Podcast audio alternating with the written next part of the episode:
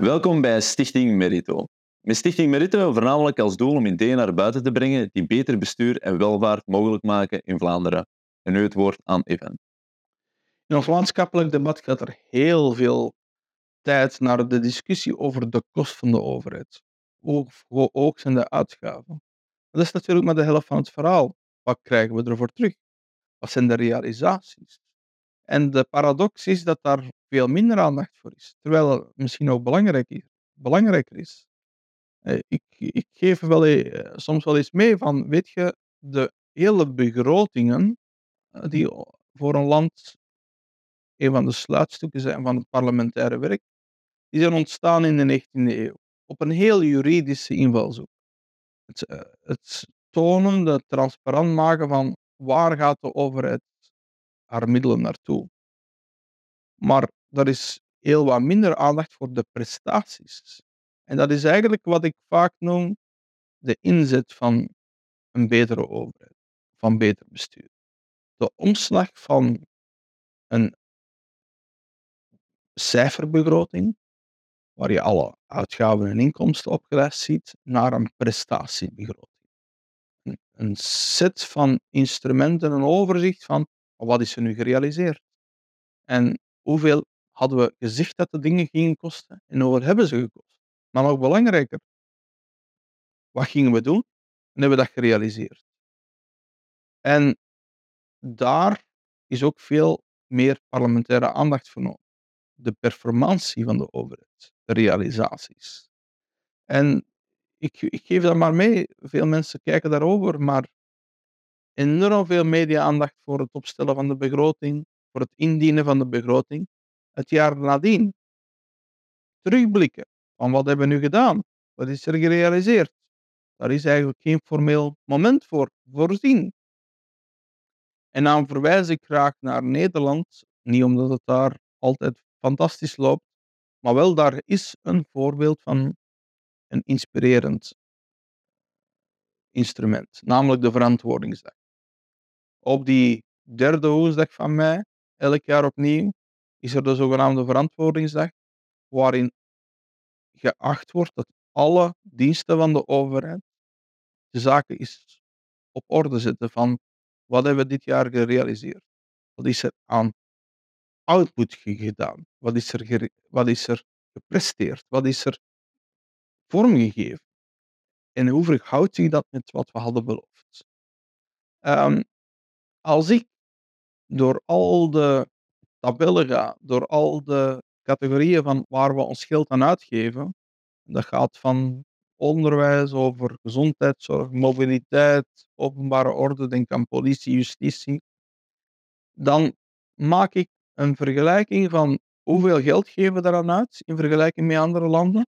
Dat zit dan vaak aan de hogere kant. We geven vaak aan veel dingen meer geld uit dan andere landen. En, maar dan ga ik ook zoeken naar performantie-indicatoren. Van wat wordt er gerealiseerd? En dan zijn er maatstaven voor, voor, bijvoorbeeld voor mobiliteit rond congestie, rond filevorming. Dan zijn er maatstaven over de levensverwachting in goede gezondheid in ons land, voor de volksgezondheid. Dan gaat het over de prestaties van onze schoolkinderen op internationale testen, zoals de PISA-vergelijkingen. En dan zien we helaas, terwijl we vaak aan de bovenkant zitten van die uitgaven, dat we te vaak aan de minder goede kant zitten voor de resultaten. En dat er voor zaken waarvan we vaak ons op de borst kloppen van daar zijn we goed in, dat dat nog een beeld is van 10, 15, 20 jaar geleden. En dat we op heel wat zaken, denk aan ons onderwijs, middelbaar onderwijs in Vlaanderen, echt aan de top zitten van de uitgaven. We geven echt fors meer uit dan veel andere landen voor ons middelbaar onderwijs. Maar dat de schoolprestaties, wat, we zitten bijvoorbeeld om e- over een evolutie te spreken, over bijna een jaar later aan taalverwerving in ons land. Dus we zitten met schoolachterstand tegenover 15 jaar geleden. Het ontwikkelen van taalvaardigheid, dat is vandaag een kind van 15, heeft vandaag de taalvaardigheid ontwikkeld van waar we vroeger al op 14 jaar zaten. Dus we moeten beter doen. En dat doen we door ook de methodiek van het debat te objectiveren aan te passen. Door niet alleen te kijken naar waar gaat ons geld naartoe, maar vooral wat zijn de resultaten die we daarvoor terugkomen, terugkrijgen. Dus ja, value for money, dat klinkt natuurlijk heel hard, maar het is eigenlijk heel essentieel in een democratie. Ik zou daar graag de prestatiematrix bij halen, zoals ik dat wel eens noem. Een debat voeren we vaak op de horizontale basis van die matrix. En dat is hoeveel geld geven we uit?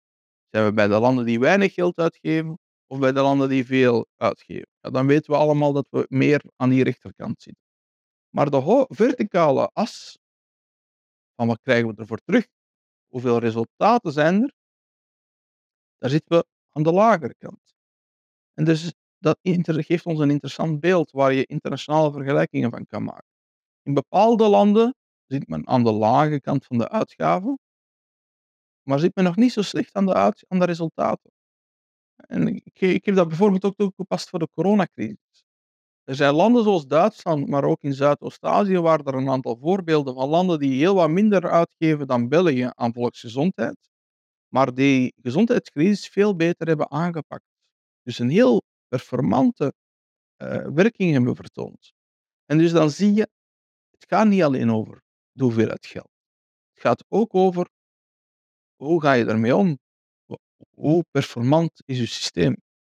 En dus, we kunnen allemaal ideologisch andere opvattingen hebben over hoe groot moet de omvang zijn van die overheid. Maar we moeten er allemaal toch wel op aansturen dat wat we ervoor terugkrijgen, de daadkracht van de overheid, dat die verbetert. En dat we dus opschuiven in dat kwadrant naar boven, met name meer resultaat voor gegeven inspanning.